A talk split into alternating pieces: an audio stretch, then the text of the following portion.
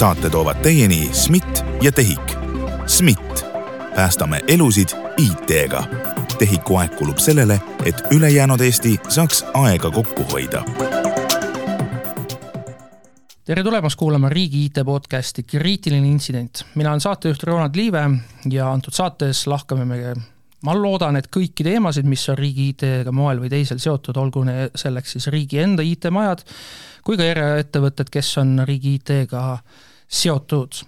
ja tänases saates me räägime sellisest asjast nagu poliitika aga mitte päris sellise nurga alt, nagu poliitikasaated üldjuhul räägivad ja meie saade ei ole poliitikasaade, ärge saage valesti aru, vaid räägime sellest, et kas ja kuidas poliitilised otsused mõjutavad riigi IT-d kas ajaloos on olnud selliseid situatsioone, kus poliitikud on andnud välja lubadusi, mis on pannud riigi IT-majade juhte oma päid kratsima ja mõtlema, et aga kuidas me nüüd need kõik asjad ära realiseerime, et kas need on üldse teostatavad või mitte. ja sel teemal olen stuudiosse rääkima palunud tõelise raske kahurväe ehk siis kahe väga olulise riigi IT-maja juhid üks neist on Tervise ja Heaolu Infosüsteemide Keskuse juht Margus Arm ja teine on Riigi Infosüsteemi Ameti peadirektor Margus Noorma, tere! tere! tere! Äh, mul on hea meel, et äh, kaks äh, nimekaimu on tee siia leidnud ja, ja ka kaks endist kolleegi tegelikult ja, ja nüüd siis moel või teisel ka tegelikult ju puutute väga palju kokku. aga hakkame siis poliitikast rääkima. ma ei küsi teie enda poliitilisi eelistusi ja, ja soove, vaid ähm, ma alustaks hoopis niimoodi, et ähm, ma vaatasin, Margus Noorma, teie LinkedIni profiili. Te töötasite kunagi äh, Maksu- ja Tolliametis ja see aeg, kui te seal töötasite, oli just see aeg, kui Eestis meil tõsteti siis äh, käibemaksu. ka kui palju siis oli seda, et äh, teile lihtsalt nagu üks päev helistati, öeldi, et kuule, nüüd on vaja teha, poliitikud tahavad teha ja nüüd siis me peame midagi tegema, aga me ei tea, kuidas ja, ja kas see üldse on teostatav, et avage seda tausta nii palju kui võimalik nojah, see toimus ikka päris ammu, et kui ma nüüd ei eksi, siis oli kaks tuhat üheksa. ja see toimus loetud päevade jooksul. ja kui ma nüüd õigesti mäletan, siis kuskil juunis see võis toimuda, jaanipäeva vahetult enne. ja siis oli ülesanne väga lihtne, et äh, piltlikult öeldes esimeseks juuliks on vaja, et asi töötab e-maksuametis. ja see oli selles mõttes nagu hea näide sellisest õnnelikust juhusest, kus Äh, poliitikud arvasid, et asi on kiiresti tehtav ja ta praktikas ka oli kiiresti tehtav. alati see nii ei ole ja tegelikult õnnestuski kahe päevaga, ütleme, riigisüsteem viia vastavusse, et muuta käibemaksumäära. aga mis tõenäoliselt venis kauem, ma täpselt detaile ei tea, aga et kõigi muude süsteemide, raamatupidamissüsteemide viimine vastavusse ja nii edasi, et see tõenäoliselt kestis ikkagi oluliselt kauem. nii et need kõlakad nii-öelda, mis ma linna pealt kuulnud olen, lähtuvalt neist äh teemadest, mis nagu praegu on aktuaalsed just riigi, riigi IT-vaatest ja poliitiliste otsustest, et oligi kaks kuni neli päeva, see vastab ka tõele, et see ei ole müüt? jaa, see vastab tõele, sellepärast ma ise olin seal suhteliselt ligidal tol ajal ja vastutasin IT-valdkonna eest ja seetõttu noh, ma pidin selle teemaga vahetult tegelema. aga miks on nüüd äh, nii, et aastal kaks tuhat kakskümmend kaks räägitakse, et enam ei ole see võimalik? et nüüd võtab väga palju kauem aega, väga palju rohkem raha, väga palju rohkem inimesi ja see sõltub täpselt, millest rääkida, et äh, muudatused on väga erinevad. et äh, on muudatused, kus tõesti piisab sellest, kui sa muudad ära käibemaksumäära süsteemis, ükskõik kus ta siis parasjagu ei asu, on ta siis sul koodi sisse kirjutatud on ta siis eraldi mingi lahendus. teine variant on see, kui tahetakse piltlikult öeldes tornmajale ehitada keskele üks korrus juurde, need on absoluutselt erinevad ülesanded ja pahatihti meil on just seesama tornmaja kaasus, kus äh, tuli mõte, et teeks keskel ühe korruse juurde näiteks ja siis on arusaamatu, et miks seda ei ole võimalik kohe teha loetud päevadega. kas see tegelikult maksab meile nüüd kätte? sest et äh, siin poliitilises diskussioonis on olnud küll viimastel nädalatel, kuudel seda teemat on öeldud, aga me ju käibemaksu tõstmisega saime nii tehtud. kas see nüüd on tagantjärgi tarkus, et noh, et oleks pidanud toona siis laskma nii lihtsalt seda asja teha? Äh, noh, ma pigem ütlen nii, et, et kogu kui suures osas selle Eesti digiarengus on tehtud ju asju äh, õhinapõhiselt. Ja on tehtud oluliselt rohkem, kui võib-olla selle raha eest oleks oodanud ja oleks võimalik olnud. et inimesed on lihtsalt asjad ära teinud. Ja selle tõttu ka ütleme, seda valdkonda pole riigis aastaid piisavalt rahastatud. Ja pole ka piisavalt süvenetud sellesse, et noh, mismoodi need asjad toimivad, kuidas neid asju on ehitatud. Ja jah selles mõttes õige, see maksab mingil määral kätte tänase päevani. et kui me lähme lisaraha küsima eelarves, siis öeldakse, teinekord, et asjad ju töötavad, et noh, on siis sinna vaja nii palju raha panna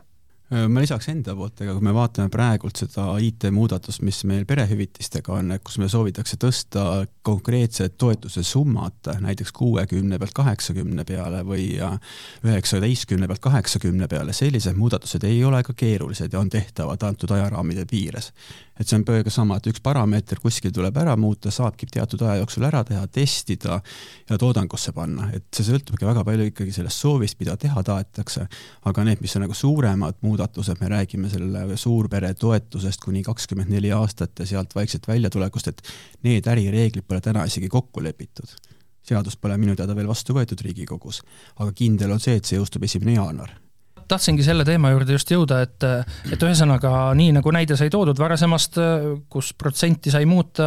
nii-öelda tänu sellele siis kõik, kõik süsteemid ka muutuvad, siis ka praegu nende peretoetuste puhul, et kui on pelgalt lihtsalt rahasummat vaja muuta, siis seda saab lihtsalt ja väga kiirelt teha ja ehk siis poliitikud võivadki jääda, teha lubadusi, et et nüüd tõstame hoopis kahesaja euroni ja, ja nüüd langetame äkki hoopis et selliseid lubadusi nad võivad teha ja, ja teie, olgu see TEHIK, RIA või mis iganes teine IT-maja, siis sellised muudatused üldjuhul te saate väga kiirelt ära, ära siis äh, realiseerida. sellised muudatused jah, palju lihtsamad teha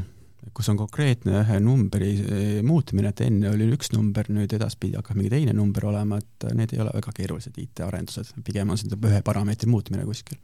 Aga räägime siis selle kuni kahekümne neljanda eluaastani toetustest lähemalt. Kas te saate selle tehtud, esimene jaanuar kaks tuhat kakskümmend kolm oli vist see, kus ta hakkab nagu vaikselt see süsteem tööle, kuidas see, kas IT-süsteem on siis tööl või on siis tegelikult äh, tädid-onud arvutite taga Excelis tegemas seda tööd käsitsi esialgu?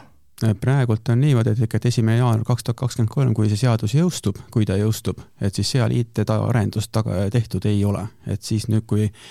see seadus vastu võetakse Riigikogus, kõik ärireeglid on paika pandud, siis me saame hakata selle pealt mõtlema, et mis nõuetele, mis nõudesse peavad olema analüüsi tegema, ka kus süsteemis, kui palju, mida muuta on vaja, sest praegu on kõik otsad veel lahtised tegelikult.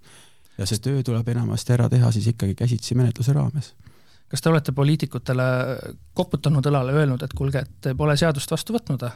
et, et, et tehke nüüd ära, mida te ootate? Ega see käib äh, Riigikogus oma rada pidi, et ega sellist ei saa päris kiiremini teha, see on see demokraatliku riigi eripära, et äh, tuleb jälgida reegleid ja see läheb oma reegleid pidi, iseasi on see, kas ta peaks esimene jaanuar jõustuma või võiks olla sellise seaduse vastuvõtmise ja jõustumise vahel kindel puhver, on see siis kolm kuud, on see siis pool aastat, et alati selline reegel võib olla, et IT-arendused ja protsessid, see ei puuduta alati IT-arendust, see tähendab võib-olla letiteeninduse protsesse tuleb ka muuta, inimestel mingid, mingid uued vormid teha või uut, uus töökorraldus kehtestada, inimesi juurde võtta, et oleks mingi kindel ajaline puhver, et seaduse vastuvõtmise ja selle jõustumise vahel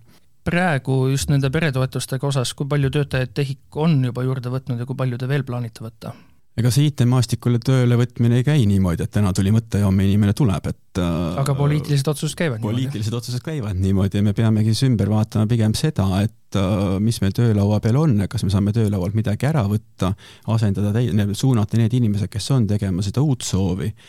aga samas ei ole see ka nii lihtne, sest laua peal on kõik muud seadusemuudatused, mis peavad samuti olema tehtud, et isegi seadusemuudatus konkureerib teise seadusemuudatusega ja mõlemad on tähtajaga, et ei ole eriti palju, millest loobuda. kohe peagi on meil valimised tulemas järgmise aasta kevadele. loogiliselt mõeldes, mm, taaskord olgu selleks IT-majaks mis iganes, aga praegu te esindate siin äh, TEHIK-ut ja RIA-t, et ma kujutan ette, et ega, ega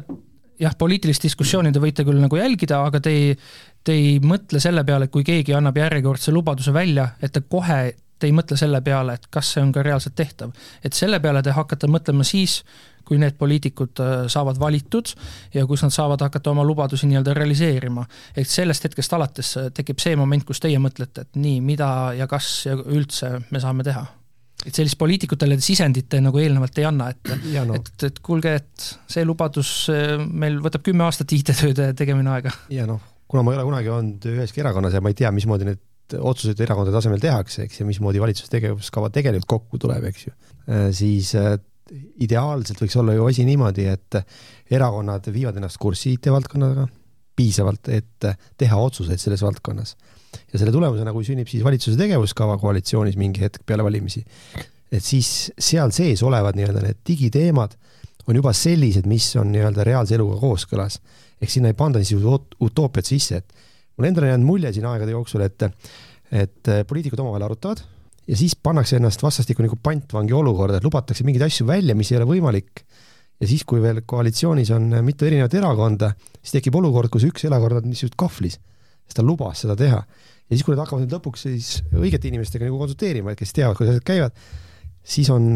ongi olukord, kus nagu praegu Margus, eks ta on sundviskes, eks ju. ühest küljest poliitiline surve on vaja teha, teisest küljest seda ei ole võimalik teha. Ja nüüd ongi, et mis siis teha ja siis tsiteerides või parafraseerides ühte ministrit, eks, kes tegi nalja, ütles, et küsimuse peale, kui palju arendusaega võtab, mis ta tahab, eks ju, tuhat tundi. Äh, noh, see on umbes mõned kuud, eks ju. aga kui teeks nii, et võtaks tuhat inimest ja teeks tund aega tööd, eks ju, et äh, siis on ju asi palju, palju paremas seisus, eks, et noh, et see oli küll nali, on ju, aga äh, tegelikult poliitikud jah, nad ei vaevu enne ennast või enne kaasama, ütleme nii, nii oleks õige öelda, jah õigeid inimesi, et noh, ei oleks ju olnud keeruline ennem konsulteerida TEHIK-uga, eks ju, näiteks selles samas küsimuses, küsida, mis on need reaalsed hinnangud ja selle pealt siis konstru-, konstrueerida oma sõnumid aga nii palju, kui ma aru saan, siis äh, moel või teisel tegelikult TEHIK, ähm, kas just teiega konsulteeritud, aga, aga kas või seda te olete ise meedia vahendusel välja nagu öelnud, et äh, eelnevalt, et kui need otsused veel lõplikud olid, et, et tegelikult see ei ole nagu väga realistlik? Jah, me otse, me oleme TEHIK-una tegelikult osutame teenust Sotsiaalkindlustusametile, kes on meie klient, kes peaks meie otsene tellija olema IT-töödele ja siis meie kliendiga koos Sotsiaalkindlustusametiga me hindame ära, mis on see protsess, mis see võimekus, kuidas teha saab ja siis me peegeldame tagasi selle seisukoha, et mi, mi, me näeme, mis aja raames, kuidas see tehtav on, kui ärireeglid on paigas, aga kui need ärireeglid ka veel paigas ei ole, siis on see nagu puusalt tulistamine, see hinnangu andmine tegelikult, et ei saa väga täpselt panna ka, et aga see, mis Markus enne rääkis siin konsulteerimise mõistes, mõtteid vahetada, siin on jah, alati nagu võib-olla see pool, et kui välja midagi käia, siis on lubadus välja antud, siis on väga raske muuta seda, aga kui oleks enne konsulteerida, et äkki oleks natukene ühes kohas teistmoodi teinud, seda kontrolli poleks peale pannud, võib-olla siis oleks olnud kaks korda kiirem see tähtaeg lihtsalt. ja, ja võib-olla siis on üks teema, mis tuleks pilti, et mis siis tegelikult on siis digis oluline, mida oleks vaja teha ja mida oleks vaja poliitiliselt toetada. noh, seda võiks ju küsida. et eh, siis me teeksimegi võib-olla õigeid asju rohkem et praegu on see pigem, et tulevad mingid juhuslikud teemad, mis tunduvad poliitikutele atraktiivsed teinekord. ja siis ongi see, et me mõtleme ennast halliks, et kuidas see paigutada siis nii-öelda nende vaja, vaja teha olevate asjade vahele, eks ju. ja siis tehakse kiire asi, võimalikult nagu äh, kuidagi öelda nagu lapp lapi peale või lipp lipi peale, erandi peale tehakse erandit erand veel, et ja siis pärast ongi süsteem nii keeruline, et seda raske hallata, uusi muudatusi sisse viia, aga kuna soov oli, et peab kiiresti valmis saama, siis ei suudetud, ei, ei olnud aega teha arhitektuurselt korralikku lahendust. Võib-olla tehaksegi sellised ad-hoc funktsionaalsusi külge. Mulle tundub, et see kirjeldus just, mis sai toodud, et see lipp lipi peal, lapp lapi peal, et niimoodi me jõuame väga ruttu selleni, et kus need süsteemid, mis on niimoodi loodud, muutuvad hästi kiirelt taakvaraks. ehk siis see on jälle see moment, kus teie lähete poliitikute juurde ja siis ütlete, et nii, et te tahtsite seda süsteemi, me tegime selle süsteemi, aga nüüd juba ainuüksi viis või kümme aastat hiljem see süsteem on selline, et sellega pole enam midagi teha, et palun andke meile nüüd miljoneid juurde. ehk siis me nagu jõuame jälle kehva seisu. seal on poliitikute puhul ka see, et ega ju uued poliitikud vanade eest ju ei võta vastutust, eks ju. mis tähendab seda, et tegelikult noh, meie kui siis nii-öelda selle süvariigi või püsiriigi esindajad, eks ju, eh, peame siis tegelikult seda kandma, seda teadmist. ja poliitikutele siis tuletame meelde, et see tegelikult selline pidev teema, millega me tegeleme iga aasta, ma arvan, kõik IT-majad tegelevad. just sellega, et veenda poliitikuid, et noh, sellesse valdkonda, sellesse kohta on vaja investeerida, sest vastasel juhul võtab liiga suured riskid. täpselt nii lihtne see ongi ja et need otsused, mis on tehtud minevikus, noh, me võime neid ju meenutada, aga see ei huvita väga kedagi tänasel päeval, eks ju. aga meenutaks natukene neid situatsioone, meil praegu on käinud läbi see Maksuameti, tähendab käibemaksu tõstmine ja, ja siis see praegu aktuaalne teema, kas on tegelikult ajaloost veel selliseid näiteid tuua? noh, võib-olla valimiste ajal jooksis ka läbi meediast, oli rahvahääletuse teema, eks, kus tegelikult ta oli planeeritud, kuna valimiste oli planeeritud etapiliselt, eks ju viis etappi vist oli, kui ma mäletan. arendus, arendusi oli planeeritud, just, jah. kui me räägime IT poolest, eks ju. ja rahvahääletuse moodul oli ka planeeritud sisse teha, aga ta oli planeeritud viimases etapis teha, kuna ta oli koos KOV-i valimistega oktoober kaks tuhat kakskümmend üks oli planeeritud, et ta oli nagu sinna etappi planeeritud sisse. aga kuna siis äh, vahepealsel arendusperioodil vahetus valitsus, siis uuel valitsusel oli soov, et tooks selle, see oli nüüd see sega või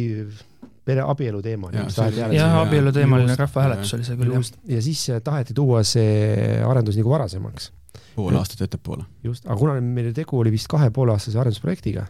siis noh, see ettetoomine ei ole niisama lihtne ja kogu prioriteetide ümbermängimine, eks. kui oli teada, et kakskümmend üks KOV-i valimised tulevad, need on vaja ära teha, valimiste aega ei saa nihutada, eks ju. ja siis oligi, et tegelikult sealt tulid täiendavad kulud, mida siis valitsus oli rõõmsalt valmis hüvitama. Aga juhtus see, eks, et need lubadused, mis eelmine valitsus tegi, ehk siis uus valitsus, mis vahetus jaanuaris, tollal ma mäletan, jällegi nendest ei tahtnud midagi teada, eks, et tükk tegemist oli, et viia siis uue valitsuse, eelmise valitsuse lubadused ja see raha lõpus kätte saada, eks. et noh, sellist toimetamist on pidevalt ja kogu aeg. ja see pani pingesse mitte ainult äh, Riia inimesed, vaid tegelikult äh, arenduspartner oli ka, nii et põhimõtteliselt terve detsembrikuu, kui on selline rahulik jõulukuu, aastavahetus, võiks palju puhata, äh, no võib-olla oli üks puhkepäev inimestel ja mitte ainult arenduspartner, vaid ka testimine, eks ju, kõik, kõik tuli ettepoole. kõik pidi nagu ära planeerima ja siis sai jaanuarikuus see enam-vähem kuskil maale juba hakkab valmis saama, siis oli valitsuse vahetus ja öeldi, et nüüd pole vajagi seda asja. see valimiste see näide on just see, et äh, seal see testimise nurk oligi see, et sul vist oli kolm kuni kuus kuud, kus teil see läheb, testimine võtab kõik aega, aga nüüd see, millest meil on juba juttu olnud, ka see perehüvitiste teema, et seal nagu sellist testimist ju tegelikult ei ole et seal on nagu põhi, põhifookus läheb või põhiaeg kuulub äh, arendusele endale? igal pool on testimine. Aga mitte et, nii põhjalik ju? mitte nii põhjalik võib-olla, et seal on nagu neid kasutuslugusid võib-olla vähem ja ta ei ole ikkagi valimine ja üks hääl äh, on väga oluline, kuhu ta läheb ja kelle poolt tuleb, et midagi ei juhtu ja see auditeeritavus ja läbipaistvus kõik, et äh, toetuste puhul on meil jällegi, räägime rahast, et kas inimene saab õige summa, saab vale summa, üks euro siia-sinna, need on ka kõik olulised, aga seda funktsionaalsust tundub, et seal vähem jah, et aga loomulikult vaja turvatestid teha, need äh, kasutustestid ja ilma testimiseta ei pääse kunagi toodangusse. ja suur, nad jah, päris võrreldavad ei ole valimised ja ütleme, sotsiaalkindlustuse toetused, sest et noh, valimiste puhul on tegu täiesti uue asjaga, eks ju, mis tähendab seda, et testimise mahud on võib-olla suuremad, on ju. pluss nagu Margus ütles ka, et valimiste puhul meil ei ole nagu eksimisruumi valimised ei saa olla üheksakümmend kaheksa koma seitse protsenti tõenäosusega, valimised peavad olema sada protsenti. ja seetõttu see noh, see surve just selle testimisele ja testimise kvaliteedil on hästi suur valimiste puhul. ja seetõttu igasugused sellised graafika välis, graafikuvälised nagu liigutused ja ümbermängimised on alati suurte riskidega seotud, eks ju. Neid riske me väga hästi tajume Riias ja neid sai ka räägitud poliitikutele, aga noh, nendel oli nagu teised jällegi eesmärgid, eks. et seetõttu see jah, see on see väljakutse, eks, mis tegelikult tuleb aeg-ajalt esile, jah jah, aga ma mõistan väga hästi poliitikuid ka, et äh, IT ei saa poliitikute soove juhtida, et äh, või nagu Markus ütles, et me ei tohi olla see süvariik, kes tegelikult ütleb, kuidas asjad käivad ja millal mingi asi jõustub, et tegelikult IT on ainult töövahend selleks, et viia otsu ellu kas poliitilisi või äriotsuseid ja meie ei tohiks seda hakata dikteerima, see IT võimaldab teha seda ühte, teist ja kolmandat moodi, valige nende variantide hulgas, aga tegelikult tahetakse teha neljandat või viiendat moodi, et ei, neid ei tohi neeputada laualt ära, see ei ole okei okay., et see peab ikkagi jääma nii, et äri otsustab, mida on vaja, äri poole see tellija ja IT aitab seda ellu rakendada, aga see peab üks dialoog vahel olema, et äh, mis asju, kuidas on võimalik, kas alati on muudatusi IT-s vaja teha või on protsessides vaja teha, ka see on nagu küsimärk, et äh, ma ikka ise ütlen seda, et kas Eestis peab olema üks pensioniliik või kaks pensioniliiki, mida saavad ainult kumbagi üks inimene. ja me oleme selle ära digitaliseerinud näiteks, et uh, kust need piirid lähevad, et ehk siis võiks ikkagi vähem olla meil e-teenuseid ja rohkem olla käsitööd e-teenus ei saa olla eesmärk iseenesest, et äh, teenus peab olema, et kuidas see teenus osutatakse, kus kohas, äh, mis, mis järjestuses need protsessid käivad, et see on vaja paika panna, küll siis digijärgi tuleb ja aitab seda nagu lihtsustada ja e-kanalis kättesaadavaks teha. sedasama näidet äh, ma olen kuulnud ka teistes nii-öelda siis riiklikes IT-majades, mulle jääb mulje kõrvaltvaatajana, et et tegelikult IT-majad saavad sellest aru ja nemad nagu liiguvadki selles suunas, et kõik ei pea olema alati nii automatiseeritud. kas te saate üldistavalt öelda, et, et see nii on? päri, et äh, kõiki asju, mida on võimalik digiteerida, ei pea digiteerima tingimata või tegema digitaalseks, eks ju. just selle loogikaga, et äh, kui sa teed ta digitaalseks ära, teed talle mingi rakenduse peale, eks ju, siis sa pead hakkama sellega edaspidi tegelema, see on sul püsikulu, mis tuleb peale, eks ju ja need kulud reeglina, noh, investeeringud on reeglina suuremad ja püsikulud on suuremad kui näiteks teatud puhkudel see inimliides seal taga ja selle nii-öelda üleval hoidmine või palga maksmine sõna otseses mõttes. ehk selliseid kalkulatsioone ei tehta, et vahepeal on selline, kuidas ma ütlen, olnud perioode ka Eesti riigi ajal viimase paarikümne aasta jooksul, kus noh, see digitaliseerimine asi iseenesest, ilma et sellel oleks nagu väga selge nagu äriloogika taga ja, ja seda võiks rohkem vaadata, jah äkki ei pea tegema kõiki asju? ma toon siin ühe näite võib-olla sündmusteenuste pealt, mida abiellumise sündmusteenus. kus kaks noort inimest tahavad abielluda ja siis lähevad, viivad dokumendid sisse, et ja praegult oli see niimoodi, et saad abiellutud, saad oma uue perekonnanime, ükskõik kumb pool, siis ta läheb PPA-sse, hakkab dokumente tellima, läheb Maanteeametisse, saab dokumendi ja jookseb igal päeval ringi, tegelikult võiks olla seal vormi peal, soovin saada uut juhiluba, soovin saada uut äh, passi, ID-kaarti, noored tulevad kolmekümne päeva pärast tagasi ja uued dokumendid on laua peal. mis taustal toimus? kolm koopiat viidi, viidi erinevatesse asutustesse, dokumendid tehti valmis, dokumendid toodi kohale. Ja ühtegi IT-arendust põhimõtteliselt. Et saab ka nagu teistmoodi mõelda. Ja kui meil on kolm tuhat abielu aastas, siis tekib küsimus, et kui palju on vaja sinna digitaliseerimisse investeerida või on odavam teha protsessi muudatusega? Kas muidu need tööd, arendused, mis tehti seoses selle abielu rahvahääletusega, need said Riias valmis ja põhimõtteliselt olgu see siis see abieluteemaline või mõni muu rahvahääletus, süsteemides on kõik vajalik olemas, et et seda te julgete välja lubada, et poliitikud, jah, tehke rahvahääletuse lubadusi, et meil süsteem on valmis, üks linnukene, küsime rahvalt mida iganes te tahate. jaa, valimised on selles mõttes üks hea näide, et seal on seaduse tasemel kõik üsna täpselt reguleeritud ja täna ma julgen öelda, et riigil on jah, ka nii-öelda digitaalne valmisolek see rahvahääletus läbi viia ja kui kui see poliitikutel vajadus tekib või otsustatakse, et seda tehakse, siis täna jah, ei, ei pea selles kahtlema. ja praegu seisabki riiulis niisama, et ootab tegevust. just, aga ma tahtsingi seda küsida, et kas see omakorda ei ole tegelikult kahjulik, et arendame mingis asja valmis, mille me jätamegi riiuli lihtsalt tolmu koguma, olgu ta on nii-öelda e-süsteem, ta füüsilist tolmu meil ei kogu, aga ikkagi see nii-öelda koodi mõttes ju standardid muutuvad, lähenemised muutuvad, kas see on ka asi, millele mõelda? jaa, ikka, et ega me ei lase teda selles mõttes ju taakvaraks nagu kätte ära, et me, kui vaja on, siis ikkagi hoiame teda nii-öelda elusana. ja me oleme pakkunud ka välja lahenduse, see oli veel juba sel ajal, kui Margus oli Riias, et äh, valimised oleks kui teenus, et mitte ta ei toimuks ainult valimiste perioodil, eks ju, kas siis iga aasta või üle aasta, kuidas parasjagu satub, vaid et äh, riik võimaldakski mingites kohtades, kus on vaja sellist äh, suuremat usaldusväärsuse ja tõestusväärtust, neid valimisi teenusena nagu läbi viia, mis tähendab seda, et valimissüsteemid oleks kogu aeg up to date või kaasaegsed, eks ju, kaasajastatud. aga kuna see nõudis jälle lisainvesteeringuid, siis ta nagu ei ole siiamaani äh, sattunud sellist prioriteetide reas, reas piisavalt kõrgele, et raha oleks äh, selle jaoks leitud piltlikult öeldes on praegu, et äh, kohaliku omavalitsuse valimised toimuvad iga nelja aasta tagant, tehakse valimised ära, pannakse riiulisse, siis kolme aasta pärast võetakse sealt riiulist välja, hakatakse tolmu pealt ära raputama ja vaadatakse, et äh, proovitakse jälle käima lükata, et piltlikult öeldes, et ta seisab lihtsalt jõude nii pikalt vahepeal. Äh, ma kujutan ette, et sellist võimalust poliitikutel või potentsiaalsetele poliitikutele, kes tahavad kõrgele välja jõuda, te ei paku, et tulge meie juurde, et no oletame, jalutab tänaval inimene, otsustab, ma tahan saada IT-ministriks, mul on nüüd see mõte, et ma tahan, mida iganes ta tahab. tal ei ole ju sellist võimalust, et helistab emb-kumb te-, kellele teist, kumbale teist ja siis ütleb, et mul on vot selline idee, ma tahan selliseid toetusi teha, ma tahan selliseid valimisi teha ja mida iganes, et siis te hakkate nii-öelda nõu andma talle, et kas see on võimalik või mitte? ma küll ei usu, et keegi ära ütleks, kui keegi tuleks selle küsimusega kui on juba täna ütleme nii-öelda olemasolevad poliitikud, ehk siis me oleme tegelikult ju pakkunud küll Riigikogu liikmetele selliseid briife ja äh, konsultatsioone ja oleme teinud kõikidele ministritele, ka IT-ministritele, eks ju, kes vähegi huvi on tundnud ja tahtmist avaldanud, äh, sellised ülevaated, kuidas siis see e-riik toimib. aga noh, ütleme nii, et seda on väga keeruline ühepoolselt teha, et sealt noh, alati on lihtsam, kui teine pool tunneb ka huvi selle vastu ja küsib. miks ma ütlesin, et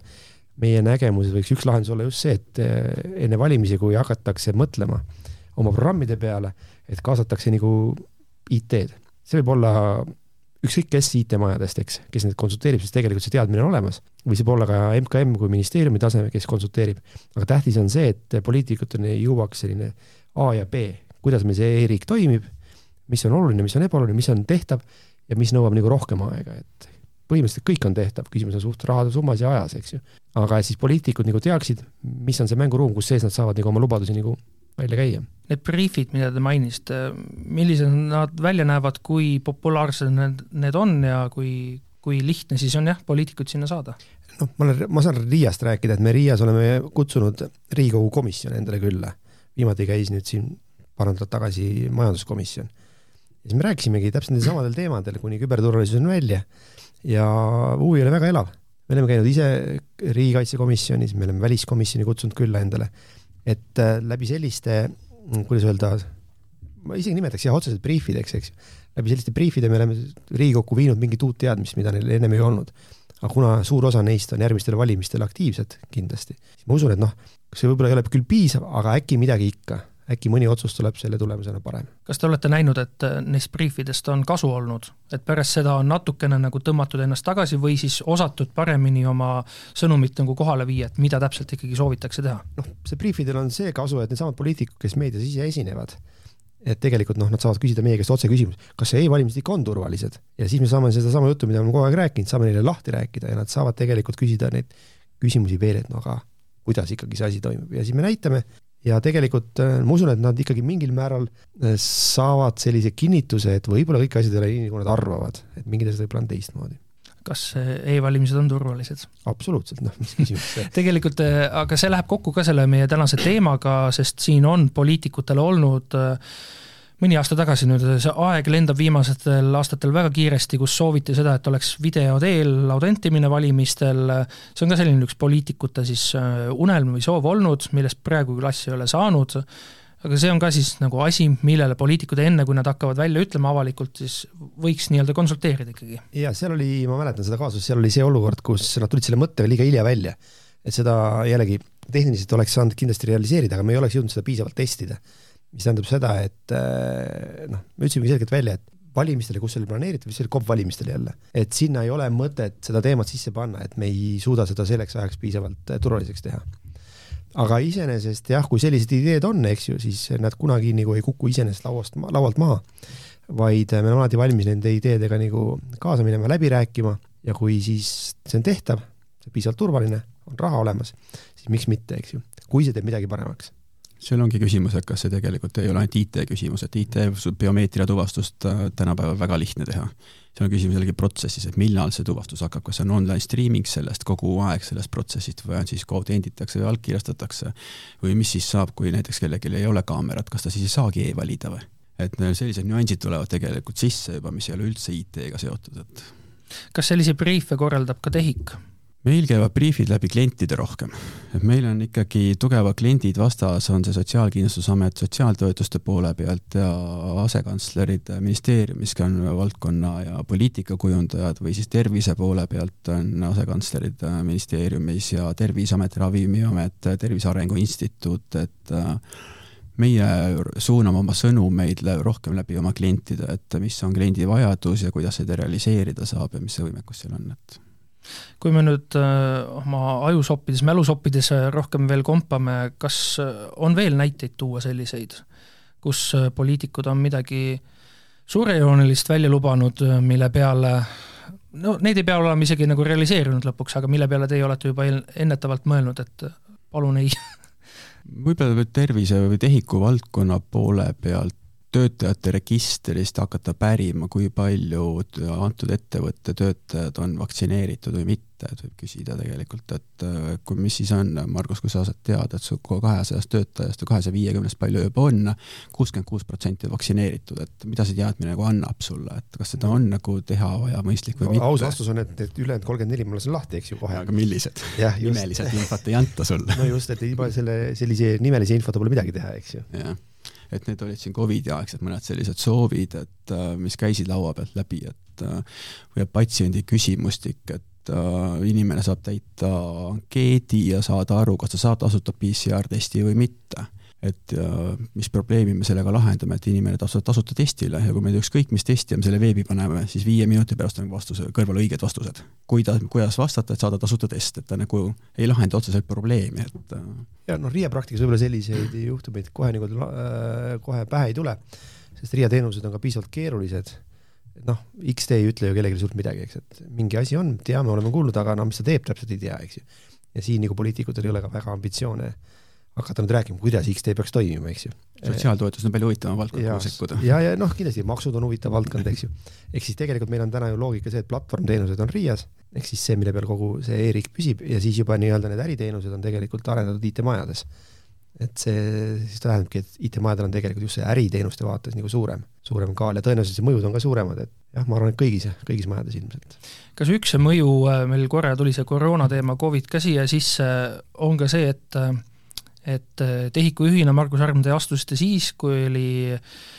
möödunud aasta meil oli kaks tuhat kakskümmend üks detsember ja neid arendusi, mida te just välja tõite, oli, oli tehtud väga palju. Äh, taaskord linna peal räägitakse, et üks teie sellise esimesi otsuseid oli see, et nagu tegite siis nimekirja töötlust mitte, et kes oleks vaktsineeritud või mitte, vaid kes on puhanud ja kes ei ole. ja siis te vaatasite, et see inimene, ta ei ole üldse saanud puhata ja nüüd siis nagu nii-öelda sunniviisiliselt mine puhkama inimest päris sunniviselt, sunniviisiliselt puhkama ei saadetud, aga jah, see oli üks esimesi asju, vaadata üle, et kuidas ja kui palju inimesed teevad ületunde ja ületundidest vabanemine. et see ei ole jätkusuutlik, et see periood oli nii pikk olnud, et kuidas hakata sealt välja tulema, koos klientidega ikka jällegi ära valideerida, mida me teeme, mida me ei tee, et inimesed, et see oleks jätkusuutlik kas nüüd te olete tagasi selles olukorras, kus on jälle neid ületunde väga palju, sest taaskord see teema, mis meil on läbivalt saates olnud, need äh, peretoetused. Aga valdkond on vahetunud, tervisetiim saab, sai koormuse väiksemaks ja koormus tõusis sotsiaalvaldkonna tiimile, et äh, loodame sellest ka varsti üle saada ja siis vaatame, mis kolmandaks tuleb. kas see Riias oli ka niimoodi siis, kui rahvahääletuse teema oli laual, et inimesed, te nägite, et kuidas nagu ületunde tuleb nii palju, inimesed äh, tegelikult nad ei suuda oma parimat kvaliteeti tagada oma töös. no õnneks äh, Riias on need perioodid nagu lühemad olnud, kus on sellised ülekoormused suured. ehk siis ma ei, ma ei saa kuidagi võrrelda seda, seda tervisekriisiga. et seal ikkagi kestis see noh, ma julgen öelda rahulikult kaks aastat, eks ju. aga Riias on ikkagi need perioodid olnud, ka seesama näite, mis sa tõid, sellise noh, kuni paar-kolm kuud võib-olla. peale seda ikkagi inimesed võtavad aja maha ja saavad uuesti ennast nagu taastada. ja teiseks on see, et meil ei ole ikkagi nii suures mahus siis inimesi taga, et seal on ikkagi konkreetsed tiimid, kes sellega tegelevad, kes selle eest vastutavad ja ja nende peale see koormus suuresti ka langeb. see olukord on pisut teine, jah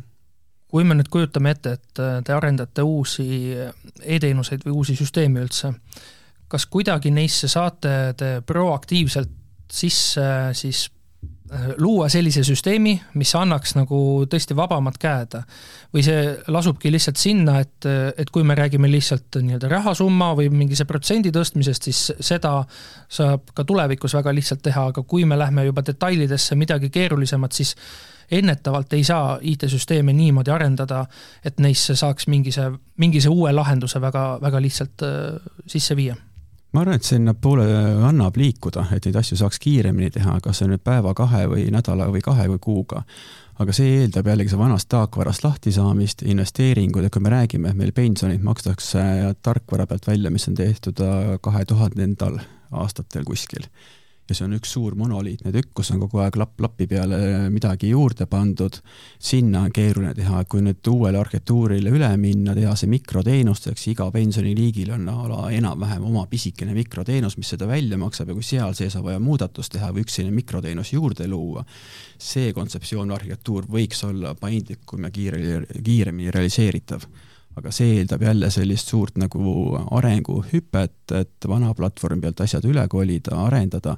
samas kui jällegi minna raha küsima, siis öeldakse, aga pensionimaksed toimivad ju, mis seal viga on, et kõik on hästi ju. ma ütleks, teine nurk on veel see, et lisaks sellele, mida Margus mainis, et et kas see tellija oskab ikkagi öelda, et mis tal kümne-viieteistkümne aasta vaates on see koht, mis tema nii-öelda äh, tellitussüsteemis peaks muutuma või peaks olema selline paindlik. ja ma arvan, et väga täna tellijad ei oska seda öelda, pole kunagi tegelikult väga pikalt osanud ette öelda, mis tähendabki, et me ise võime ju püüda ennustada, mis see võib olla, mis äh, peab olema ehitatud selliselt. aga noh, üldine kogu IT-maailm liigub selle poole, et on äh, lahendused modulaarsed, ehk siis võimalikult vähe on selliseid monoliite, mida kas ei saa arendada või mille arendamine, ümberarendamine on väga keeruline ja kallis. oletame, et meie saadet kuulab praegu mõni endine, praegune või tulevane IT-minister, ehk siis äh, teil on nüüd soov äh, või võimalus, tähendab, äh, oma soovi väljendada, milline selline potentsiaalne riiklik e-teenus on teie unistus, mida teie ise tahaksite näha, et riik pakuks inimestele e-teenusena just? see on väga hea küsimus, et äh, ma arvan, et kohe niimoodi laksust veel üks teenus, mis oleks nagu puudu äh,, mina küll ei suuda tuvastada et kindlasti äh, mingid asjad võiks olla meil uuesti arendatud, võib-olla kaasaegsemad, eks ju, sest mingid asjad on meil ikkagi ju päris, päris ammu juba välja arendatud ja nad töötavad tänase päevani, ehk siis töötavat asja ei ole iga kord ju mõtet lõhkuda, eks sellepärast, et teha uus, on ju. et äh, pigem ma ütleks IT-ministritele, mul on neid olnud juba seitse minu ametiajal, kui veab, siis ma näen ka kaheksanda ära, et nendega on see võlu, et hästi palju sõltub, milline on eelteadmine IT-st kui valdkonnast üldse et on olnud ministrid, kellele selline eelteadmine väga sügav ei ole. ja samas on ka väga häid spetsialiste olnud minu, minu ametiaja jooksul ja kõigil on tegelikult üks sõnum, suhelge. kui te ei tea täpselt, kuidas asjad toimivad, ehk siis eh, võtke see aeg, küsige, laske endale seletada, mis iganes eh, analüüsid, ülevaated teha ja teie otsused on märksa adekvaatsemad peale seda. et ei pea nagu ujuma udus, et tegelikult see info on olemas, seda infot on võimalik väga kiiresti saada, et ainult küsige, eks ju. Sest me iga kord ei pruugi saada audientsile, kui me, meie seda soovime. Ma siin Markuse jutu jätkuks võib-olla mõtleks seda, et Eesti avaliku sektori e-teenused on maailmas number üks. Kas siin on ühte teenust juurde vaja, kas me peame seda prillikivi lihvima veel, et olla siis veel üks null koma üheksa või kuhu meil ei ole sealt väga, et meil on, aga on selliseid valdkondi, kus me oleme tegelikult Euroopa keskmikud, et võib-olla tuleks hoopis sinna fokusseerida. Et aidata see pool ka järgi, et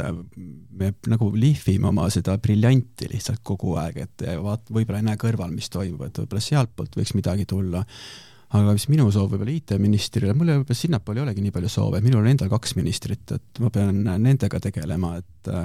et ku-, kuidas viia tervise- ja tööministri lauale meie digiteemad, teenused, kuidas sealt nagu arendusi teha või lihtsustada nende valdkonna teenuseid sotsiaalkaitse poole peale, mina pean IT-sõnumeid pigem nendele uutele ministritele siis viima või olemasolevatele. ja ikkagi võib-olla on suur võit suurem võit tulemas mingi protsesside ülevaatamisest, et kas see sotsiaalkaitsesüsteem, mis loodi kolmkümmend aastat on tänapäeval ära digitaliseeritud, seda edasi digitaliseerida või peaks seal midagi teistmoodi tegema, lihtsustama või jah, see pool pigem, et ja ma võib-olla täiendaks veel, et üks asi, mis mul kindlasti meelde tuleb, mida ma olen ka varem erinevatel esinemistel maininud, on see, et et me IT-ga oleme ammu juba kahekümne esimeses sajandis, eks ju, ja teeme seda väga hästi, aga äriteenustega me jätkuvalt istume veel eelmises sajandis ja üks näide, mida ma iga päev ise oma tööd tehes äh, näen ja millega kokku puutun, on see, et me jätkuvalt allkirjastame erinevaid dokumente. See allkirjastamise, ma ütleks, maania on tegelikult tulnud sellest pabermaailmast, eks ju. kuigi täna näiteks kasvõi sama riigitöötajate infoportaali näitel meil on loodud keskkonnad, kus mingisugust eraldi digiallkirja ei ole vaja tegelikult anda, aga ometigi seda mingite dokumentide puhul tehakse äh, inertsist ja selle muutmine on äh, märksa keerulisem kui mingi uue süsteemi ehitamine ehk siis tegelikult see äri ei ole täna, ma julgen öelda, veel selle IT-maailmale järgi tulnud. Kas on õigus, läheb ka sinna alla mingil määral, et õigusloome ja see protsessi absoluutselt, kogu see juriidika pool, eks, et kõik see vaikselt-vaikselt seal kahekümne, kahekümnendas sajandis veel istub ja ei ole veel sellesse sajandisse jõudnud otsaga. et kui me räägime siin järgmisest tiigrihüppest, et siis äh, ma näen, et see on see potentsiaal, mis meil täna on kasutamata, on just selline äriloogika totaalne nagu ümbervaatamine et noh, see Margusel on tõenäoliselt näiteid hulgi, eks ju, kuidas sotsiaalsüsteemis, eks mingid asjad toimivad, sest nad on kogu aeg nii toiminud. Ütleme, protsessis on seitsekümmend inimest ja kui sa nüüd teed ettepaneku, et teeks selle protsessi lihtsamaks, võtame kolmkümmend inimest välja, eks ju, siis see idee ei lenda mitte kuskile. sest et äh, vastuseis on nii suur, eks ju, sealtpoolt. et aga tegelikult täna tehnoloogia võimaldab korra, kordades rohkem teha seda riiki mugavamaks, seda elu lihtsamaks, kui osatakse küsida ja tahetakse küsida ühtepidi me tahame minna aina kodanikukesksemaks äh, riigiks, aga kas see on jällegi, et igale inimesele personaalse lahenduse või summa väljaarvutamine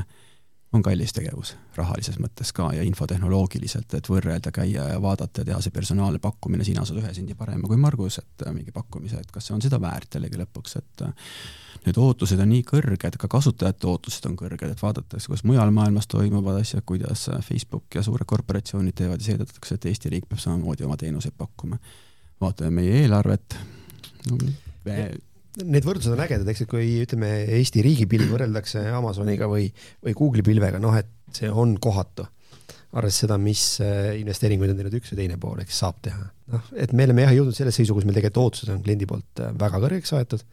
ja tegelikult, kui me vaatame, kui palju Eesti riigis selline ühikukulu on, eks ju, mis on digiriiki panustatud või panustatakse iga aasta,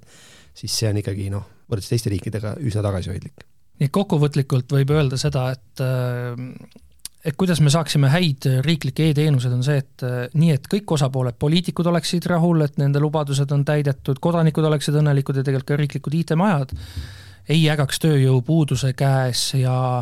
ja pideva stressi all, siis üks selline võtmesõna on, vähemalt mulle jäi kõrvu, suhtlus. ehk siis me peaks kõik omavahel nagu suhtlema. nõustute minuga? nõustub, jah absoluutselt jah, et äh, ja et noh, et poliitikud peaksid vaatama rohkem võib-olla selle poole, et mitte nad ei pea korraldama, et tehke ära, palun, vaid et äh, küsiks, kuidas saab teha kõige paremal moel, eks ju, ja hea meelega seda infot jagame ja on asju kindlasti, mida saab teha kiiresti ja lõigata nii-öelda neid madalal rippuvaid puuvilju, eks ju.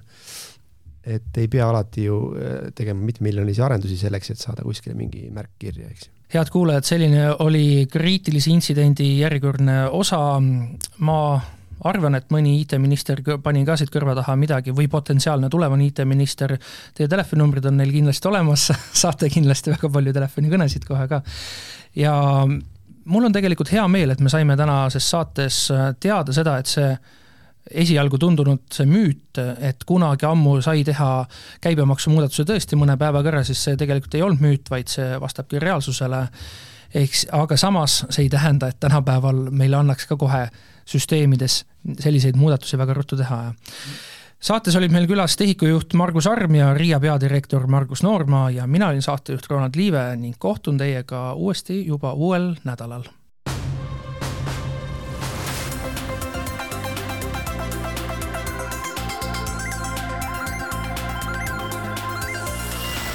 saate toovad teieni SMIT ja TEHIK.